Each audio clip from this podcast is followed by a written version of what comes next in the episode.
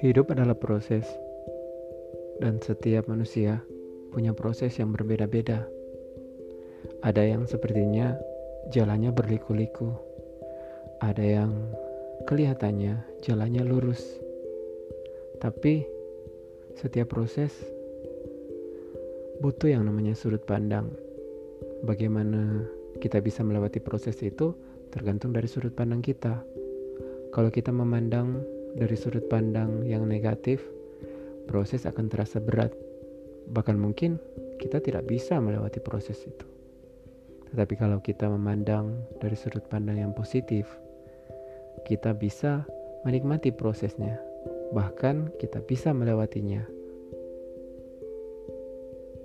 Yuk sama-sama join